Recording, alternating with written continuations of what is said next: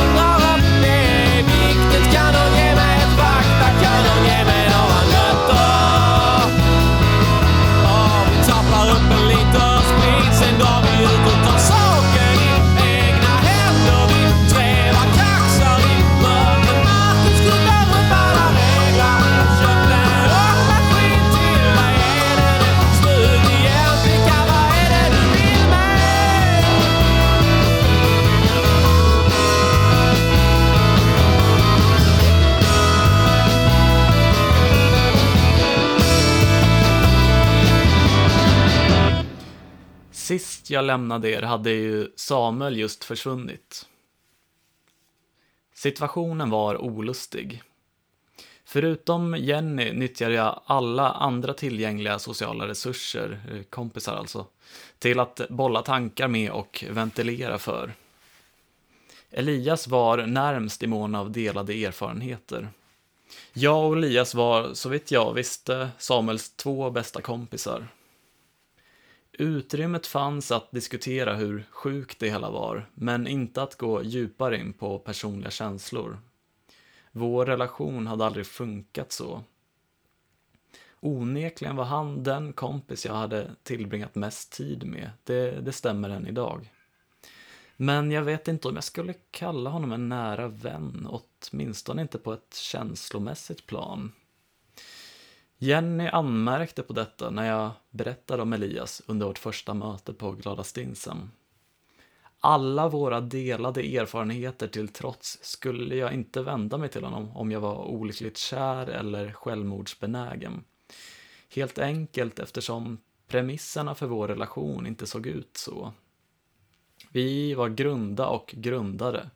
Så nära en typisk manlig vänskap jag haft. Ett halvår utan kontakt hade inte förändrat något. Att försöka utvidga premisserna, som Jenny föreslog, skulle bara göra oss båda obekväma. Samma sak med min bror. På tal om obekväma situationer skrev jag och Jenny lite flörtigt en dag och jag skickade meddelandet “Jag önskar att du var här nu”. Vad skulle du vilja göra då? Fan, nu hade jag målat in mig i ett hörn. Som jag ända sedan dess har upptäckt är jag notoriskt dålig på dirty talk. Vad fan skulle jag skriva? Allt explicit kändes pinsamt och allt insinuant blev trevande. Jenny fick börja. Vi låg i min säng och kramades i skedformation. Okej. Okay. Jag låg bakom henne och rörde mina fingrar över hennes bröst. Sen vandrade min hand till hennes springa mellan byxlinning och tröja. Jag kände på hennes mage lite innan jag tog mig upp och började massera hennes bröstvårtor. Skönt, tyckte hon. Hon började bli kåt och rörde smått på sina höfter och tryckte sin rumpa mot mig. Jag svarade med att trycka tillbaka, ge min erektion till känna. Fantasin avbröts. Jenny svarade med ett skratt men verkade samtidigt störa sig på mitt språkbruk. Ordet erektion, alltså. Det fanns väl värre exempel, som att jag i början konsekvent använde ordet penis. Hon beskrev mig som klinisk. Okej, okay, men vad fan skulle jag säga då? Ståkuk, åderpåle, familjeföretaget. På samma sätt kände jag en motvilja att använda ordet fitta. Istället nyttjade jag stilgreppet totem pro parte, ungefär hela för en del. En synekdoke varvid man refererar till en del av något genom att benämna det hela. Retorik 1 på Södertörn, som sagt. Jag gled in i henne, jag trängde in i Jenny. Inte min kuk glider in i din fitta, det låter ju bara löjligt. Då och då när jag skrev med Jenny skrev jag inte rent tekniskt sett. Istället spelade jag in minutslånga snuttar av inpratade meddelanden. Det var en vana från när jag som mest hade problem med mina fingerleder. Tidigt 2017 började det göra jävligt ont i mina fingrar, främst lederna som kopplar fingrarna till den större handen. Det uppstod först i samband med datorspel, så tangentbord funkar inte för mig längre. Inte heller att spela gitarr varje dag, till min stora sorg. Otaliga allmänläkare lyckades inte klura ut varför det var som det var och om det någonsin skulle bli bättre. Fortsätt använda dem som du gjorde innan, fick jag höra. Fan heller, jag har ju gjort det och det blir bara värre, det är därför jag söker hjälp. Smärtan fanns fortfarande där nu, inte lika mycket dock eftersom jag mer eller mindre medvetet hade förändrat min vardag så att jag inte använde dem i samma utsträckning längre. Den här berättelsen skrev jag med tuschpenna och papper till exempel. Men nu när jag mer och mer skrev med Jenny dagarna i ända kändes det till och från bra att avlasta händerna och nyttja stämbanden istället. Facebook Messengers funktion där man håller in en knapp medelst man förmedlar det ljud som ska föras fram är i sin natur mer flexibelt och har en större potential att uttryckas genom än ren text. Anton Magnusson har i olika poddar jämfört textmeddelanden med röksignaler i avseendet hur begränsat det är gentemot fysiskt närvarande interpersonell kommunikation. Inspelade meddelanden får ses som ett mellanting. På Jennys uppmaning började jag spela in mina orgasmer. Varje gång jag onanerade och efter mycket möda kände klimax närma sig öppnade jag appen och höll in knappen. Jag spelade upp mina stön och läten, som man väl gör. Lite får man bjuda på sig själv. Huvudsaken var att det tjänade sitt syfte, vilket det gjorde.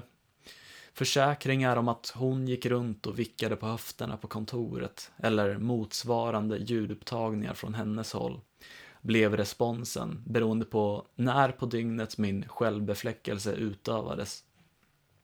Det kändes lite konstigt att hon bad mig om detta, men framförallt otroligt fantastiskt. Jag som ingen någonsin skulle vilja ta i ens med tång. Nu hade jag fått en övernaturlig förmåga att skapa lust hos det andra könet. I varje fall hos Jenny. Missing People hade lagt upp en annons om Samuels försvinnande. Bild och text. Och så en dag, då var det dags för skallgång. Jag, min pappa, mamma, låtsaspappa samt Elias åkte dit. De närvarande samlades i ett konferensrum på Quality Hotel, närliggande Södertälje centralstation. Omfattningen på folkskaran var imponerande. Det måste ha varit över hundra personer. Alla bryr sig när, när väl något allvarligt har hänt. Men nu vet du att de älskar dig Alla älskar dig Efter en jävla massa väntan delades vi in i grupper som skulle ansvara för sina egna regioner. Vår grupp tilldelades området från Västergård, förbi Saltskog där Samuels pappa bodde och in till stadens kärna. Jag ska inte ge någon ingående beskrivning. Det, det skedde så som jag antar att en skallgång oftast sker. Visst fick man förbereda sig mentalt på att, att hitta något obehagligt. Det in, ingår lite i, i skallgång som fenomen. Mm, Jenny hade visat stöd kvällen innan. Inte bara empatiska ord. Hon hade även skickat en bild där det enda som täckte hennes underrede var en hand. Inte som respons på det till synes hemska som hade hänt såklart, men, men det var ju inget som skälpte direkt. Jag vandrade mina långsamma synkade steg med en sällan tidigare skådad självkänsla. Men det var ju inget någon annan uppfattade, de hade viktigare saker att tänka på. Skallgången gav inget resultat. Svårt att säga om det var positivt eller negativt. Men jag och Elias stannade kvar en stund i konferensrummet. Några civilklädda poliser ville nämligen prata med oss. Ångesten började växa. Hela kroppen krumpade sig. Okej okay, om något hade hänt med Samuel, men tänk om jag skulle drabbas på något vänster. Det var dessa män som ansvarade för utredningen om var Samuel befann sig, eller vad som hade hänt med honom. De ville främst fråga om vi visste något. Dum fråga, tänkte jag. Hade jag suttit på väsentlig info i fallet skulle jag självklart redan ha berättat detta för de närmast sörjande.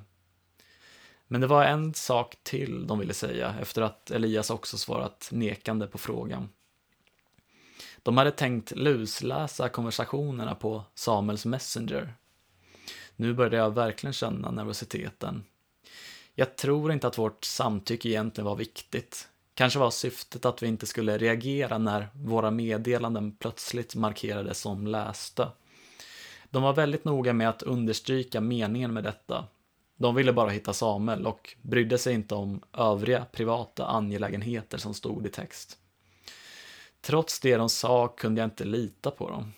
Jag och Samuel hade i klarspråk skrivit om droger, sånt vi hade i vår ägo och skulle bruka. Inte bara oroade jag mig om olagligheten, utan också om rent moraliska betänkligheter. Jag hade försett Samuel med hallucinogena preparat, om än i försiktigt små mängder, även efter hans psykbryt. Om hans föräldrar fick reda på det skulle de aldrig förlåta mig. Gruppen Parkliv levde sitt eget liv vid sidan om allt annat. Jag var fortfarande inte helt och hållet med i gemenskapen, men min uppfattning hade nyanserats. Det var inte bara galna alt-rightare. Speciellt en snubbe, Filip verkade väldigt trevlig. Han kändes som en straight man i sammanhanget. bortsett från att han hade knarkat en hel del. Det fick jag kännedom om i en gruppchatt under en pendeltågsfärd. Årets händelse, än så länge, skulle ske i en trea på Byälvsvägen 105, Bagarmossen. Parklivs huvudman Robert Huselius höll hov. Varje år i november har han en fest, en novemberfest. Främst skulle det komma andra parklivare, vilket jag såg fram emot. Jag hade skrivit en del i chatten, men aldrig träffat någon av dem. Det var överhuvudtaget första gången sedan jag ölade med Jenny som jag skulle träffa nytt folk i ett socialt sammanhang. Jag hade viss berättigad oro över min sociala prestationsförmåga. Det var nog bara en regelrätt fest jag hade varit på dessförinnan. En utflyttningsfest för en äldre manlig bekant i Solna. Då tänkte jag att det skulle hjälpa om jag tog med en kompis, i det fallet Samuel. Festen gick bra till en början, men förr eller senare hamnade jag alltid i samma position, ensam i ett hörn. David, min kompis och festens värd, satte sig och pratade med mig. Trevligt av honom, men jag kände mig bara patetisk eftersom han hade känt sig tvungen att förbarma sig över mig. Men det var en nykter tillställning. På novemberfesten skulle det finnas rikliga mängder alkohol och inte nog med det gick ryktet att eh, det skulle finnas amfetamin och, och ketamin. Spännande. Viktigast av allt, jag hade Jennys bekräftelse i ryggen. Hon fick vara mina stödhjul på resan dit. Hålla uppe min bana av nervositet, förväntan, skakighet och nyfikenhet. Men förbi Gullmarsplan, Björkhagen och, och Kärrtorp fick jag cykla på egen hand, från och med Bagarmossens tunnelbanestation. Det senaste året har jag blivit mycket bekant med stationen och sträckan till Roberts lägenhet. Ikväll fick jag förlita mig på Google Maps. Om jag är dålig på att navigera med en analog karta, vilket jag är, är jag ännu sämre när GPS-systemet är inblandat. En gång tog jag en halvtimme på mig för en sträcka som egentligen skulle ha gått på åtta minuter. Och jag är ingen långsam strapatsör, som Jenny påpekade första gången vi strök längs närområdet Stockholm södra. Pilen verkar helt enkelt alltid peka åt fel håll och satelliterna kommunicerar så pass långsamt och oprecist att jag sällan får klarhet om var jag befinner mig och vartåt jag går. På den här lördagaftonen i november 2018 måste planeterna ha ställt sig på rad, för jag tog mig till rätt plats i rätt tid. Jag var en av de första gästerna där. Inte för att skryta, men jag har fått lovord från David Liljemark för att jag alltid hänger på låset. Drar hem vid Lars-dags också. Värden Robert välkomnade mig på sitt egna blygsamma sätt. Stor lägenhet, tre rum med kök. Jag slog mig ner i köket och fick en gin och tonic blandad. Att jag ogillar tonicbäskan starkt nämnde jag inte, utan tackade och tog emot. Man ska inte vara oartig. Sprit som sprit, det ska vara äckligt, det är därför man blir full. Skåpen och väggarna täcktes av gamla härliga reklamplanscher. Vissa charmigt rassiga från 50 och 60-talet och en som var rätt obegriplig. Den skrev ut sitt budskap genom den retoriska frågan Har du råd att inte äta ost? Therese, som jag satt och pratade med, var, var trevlig. Jag kände igen henne från chatten. Hon bodde neråt i landet och hade åkt långväga för att ta sig hit. Inte konstigt att hon och sin kille var först att anlända, till och med innan mig. Jag blev utföst till vardagsrummet av några nya gäster som dök upp. De ville bjuda mig på vin och köket började bli fullt. Roberts ljudanläggning var väl genomtänkt. Han hade varsina två stereohögtalare i bådkök och vardagsrum ihopkopplade så att merparten av lägenheten försågs med en atmosfär av behaglig bakgrundsmusik i en genre som Robert själv myntat beteckningen turkadelika för, som faktiskt på det senare har fått viss internationell spridning. Kara gözlerine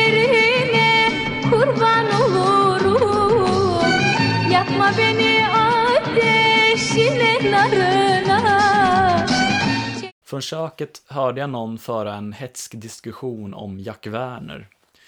Jag såg runt omkring mig. Allt fram till ikväll okänt folk i sina lustiga hattar. Omgivningen var mysig, stor bokhylla, planscher på väggarna, skivsamling, grammofon, lågmäld belysning.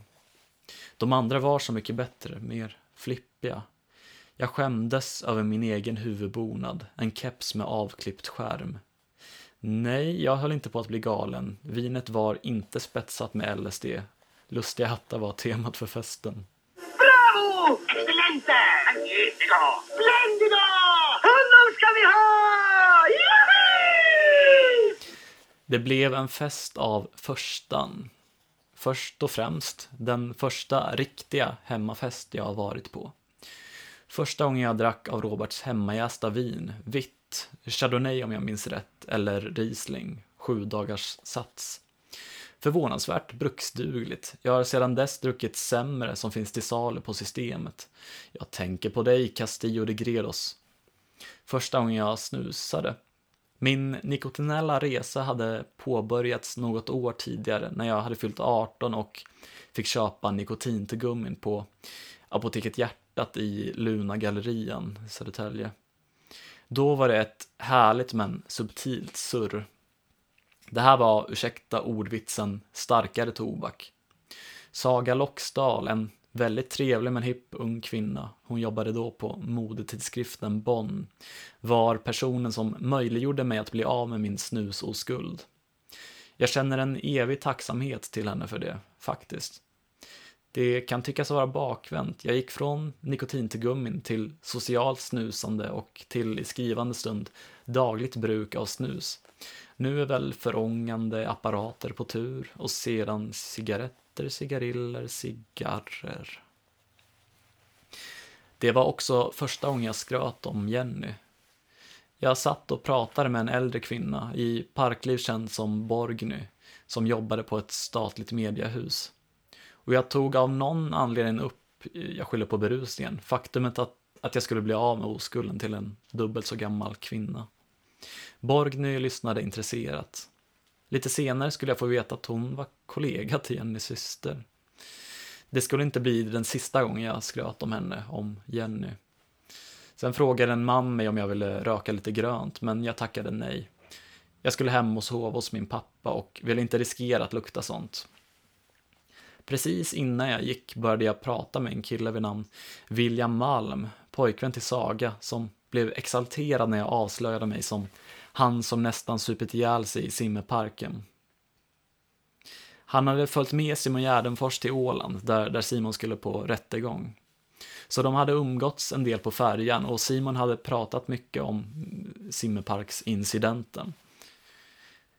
På sitt hela var det en bra fest. Inte lika dekadent som jag hade trott, dock hade tydligen ett, ett par knullat i ett avsidesrum, Men betydligt roligare rent socialt än jag hade kunnat hoppas på.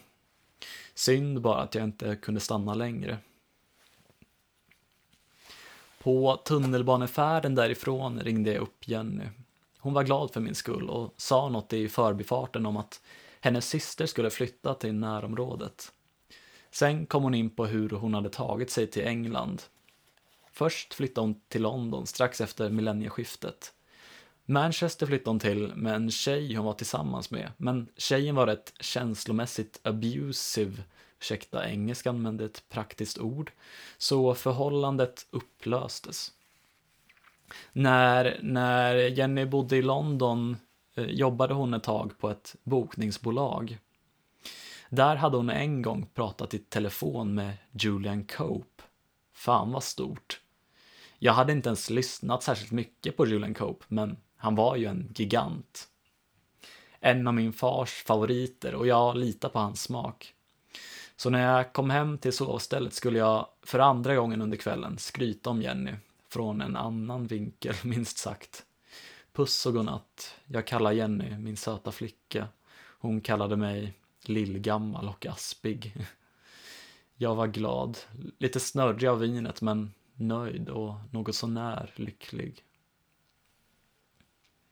Min kurs retorik på Södertörn var inte mycket att tala om längre. Jag hade gått på en salstenta hyfsat nyligen, men skitit i föreläsningar, seminarier och inlämningsuppgifter. Jag var helt enkelt inte gjord för dessa saker. Hey professor, professor, please. I'm not taking any more of your shit. Hey professor, professor, please. I'm not a student, I'm meant to be an honest. I'm a dropout, I'm a dropout.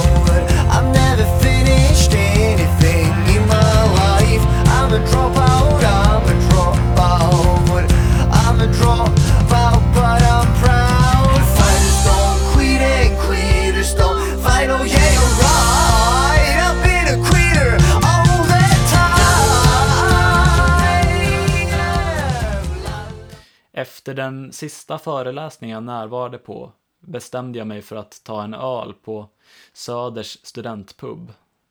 Serhat, en medkursare i 35-årsåldern, var också där och vi satte oss och snackade. Jag har aldrig varit särskilt social i utbildningsmiljö och högskolan var inget undantag. Så det var kul att öppna den dörren. Öl gör underverk. Även här kunde jag inte hålla mig från att skryta om min spekulativa mandomsrit. Varken det här eller det föregående tillfällets nycker bekände jag till Jenny. Jag var osäker på huruvida det var okej att dela med av sådana historier för andra. Trots min frånvaro tog jag ut CSN-bidraget på 3000 kronor i månaden till december, som den samvetslösa parasit jag var. Jag må ha bott hos min mamma, men jag måste ju ha råd med öl. Som en konsekvens av mina av lättja befläckade beslut hade jag nu en jävla massa fritid. Jenny kunde inte underhålla mig dygnet runt och hur roligt Tetris än var orkade varken mina fingerleder eller mitt sinne mer än tre timmar om dagen av det. Veckan efter novemberfesten hade jag börjat bli mer och mer intresserad av Robert. Robert Klatu Huselius. För att citera hans sida på Parkliv Wikia. Robert Huselius är den ena halvan av radarparet. Robert var tidigare delaktig i elevrådet där han och Lampinen träffades och bestämde sig för att starta podd. Roberts historia innan radarparet är inte allmänt känd. Vad vi vet är att han vid 21 års ålder fick barn med sin dåvarande flickvän. Efter det har han snurrat runt på diverse deltidsjobb där han kunnat tjäna ihop tillräckligt för att ta hand om sin dotter och finansiera sin ökande alkoholism. Robert framstår som en rätt dyster typ med ett cyniskt perspektiv på det mesta. Detta gäller allt från parförhållande, han ska referera till detta som slav och slavägare i podden Hur vi är mot varandra podcast och Dagens politik där han tidigare varit aktiv på vänsterkanten. Han visar även upp en stark avsaknad av empati och en känsla av förakt till normala personer. Vid 35 års ålder bestämde sig R för att slösa skattebetalarnas pengar och gick till en psykolog för att se vad som var fel med honom. Felet visade sig vara att han led av Aspergers syndrom. Detta var underbara nyheter för R, som såg hur han kunde utnyttja detta till att vinna meningslösa diskussioner på internet genom att skrika funkofob till alla sina motståndare. Radarparets namnlösa podcast, portalverket som låg till grund för hela Parkliv, var ännu för svårgenomtränglig för mig. Men jag började lyssna på Roberts solopodd Dystemia, en självbiografisk lyteskomikpodd. Flera saker slog mig. Robert var en väldigt intressant person vars psyke och tankar hade många likheter med mitt. Dessutom var han en fruktansvärt bra berättare.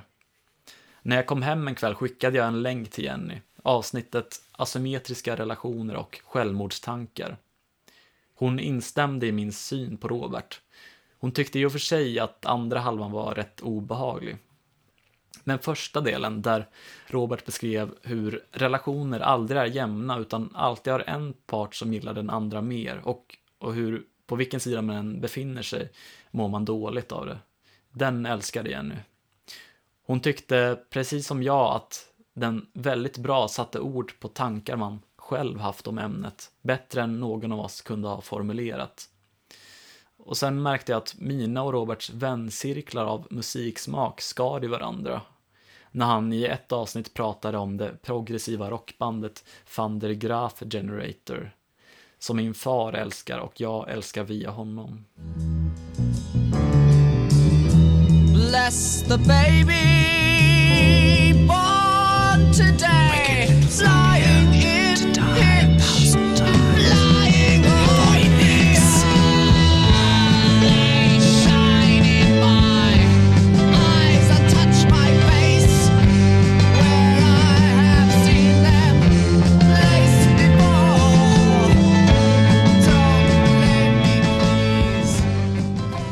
Sist men inte minst väckte dystemia åter min kärlek till det inspelade berättande mediet. Speciellt i kombination med musik. Jag älskar Pet Sommar och Vinter. Jag pratade med Robert om den saken när vi en vecka efter festen tog några öl på Neverland vid Medborgarplatsen. I samband med att han lämnade tillbaka ett par handskar som jag hade glömt hos honom. Mycket snack om musik men också lite allt möjligt. På festen hade jag inte haft möjlighet, men här kunde vi lära känna varandra. Han var lite knepig socialt, som att han till exempel aldrig hade ögonkontakt, men spelade man efter dessa regler var det inga problem. Min bror har Asperger, så jag har väl en släng av det också, vaccinerad som liten. Det var nästan skönt. Ögonkontakt är ändå en sak jag aktivt behöver fokusera på för att upprätthålla normalt. Med Robert fick jag avlastning. Jag hade lagt märke till att han hade gjort ett Parkliv Sommar, ett alternativt sommarprat som varvade berättande om hans kärlekshistorik med musik. Jag lockades av det och blev inspirerad. Det fogade samman två stora intressen. Att prata om mig själv och att pracka på andra min musiksmak. Så sittande mitt emot honom i ett bås på Neverland undersökte jag möjligheten att göra ett liknande program.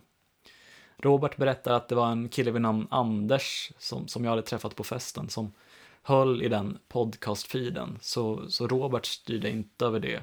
Men om jag skrev och spelade in ett sånt program och försåg denna Anders med ljudfilen så skulle det inte vara något problem. Nu hade jag något att göra med all fritid. Jag hade något att berätta, jag hade musik att trycka in i folks trumhinnor. 2017 hade varit mitt dittills mest händelserika år, fram till att 2018 bräckte det. Det var också det mest smärtsamma, åtminstone kändes det så då. Gott om content alltså. Jag började skissa på en disposition. Narrativet skulle bookändas av en skildring av den lyckligaste perioden av mitt liv, när jag var kring tre år gammal. I mitten skulle jag klämma in den obesvarade kärlekshistorien om Elias lillasyster som jag ju otympligt nog förälskade mig i under hösten 2017. Det hela var väldigt tungt men rart på samma gång. Klichéartat som en romantisk high school-komedi men utan ett lyckligt slut i tredje akten. Efter att ha skrivit de första sidorna, jag inledde med Mitt liv pikade i treårsåldern, läste jag upp det för Jenny när vi pratade på kvällen.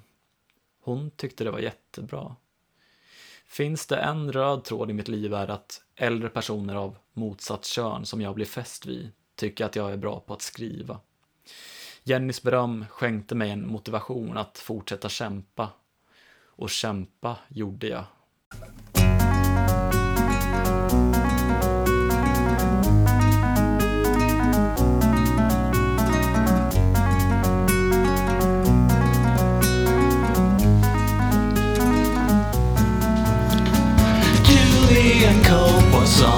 Desk and a phone number scribbled, the phone that was ringing. You were only 23 and no one felt like home, you often felt alone. You pick up the phone and say hello. We booked a gig in Mays at the cabaret.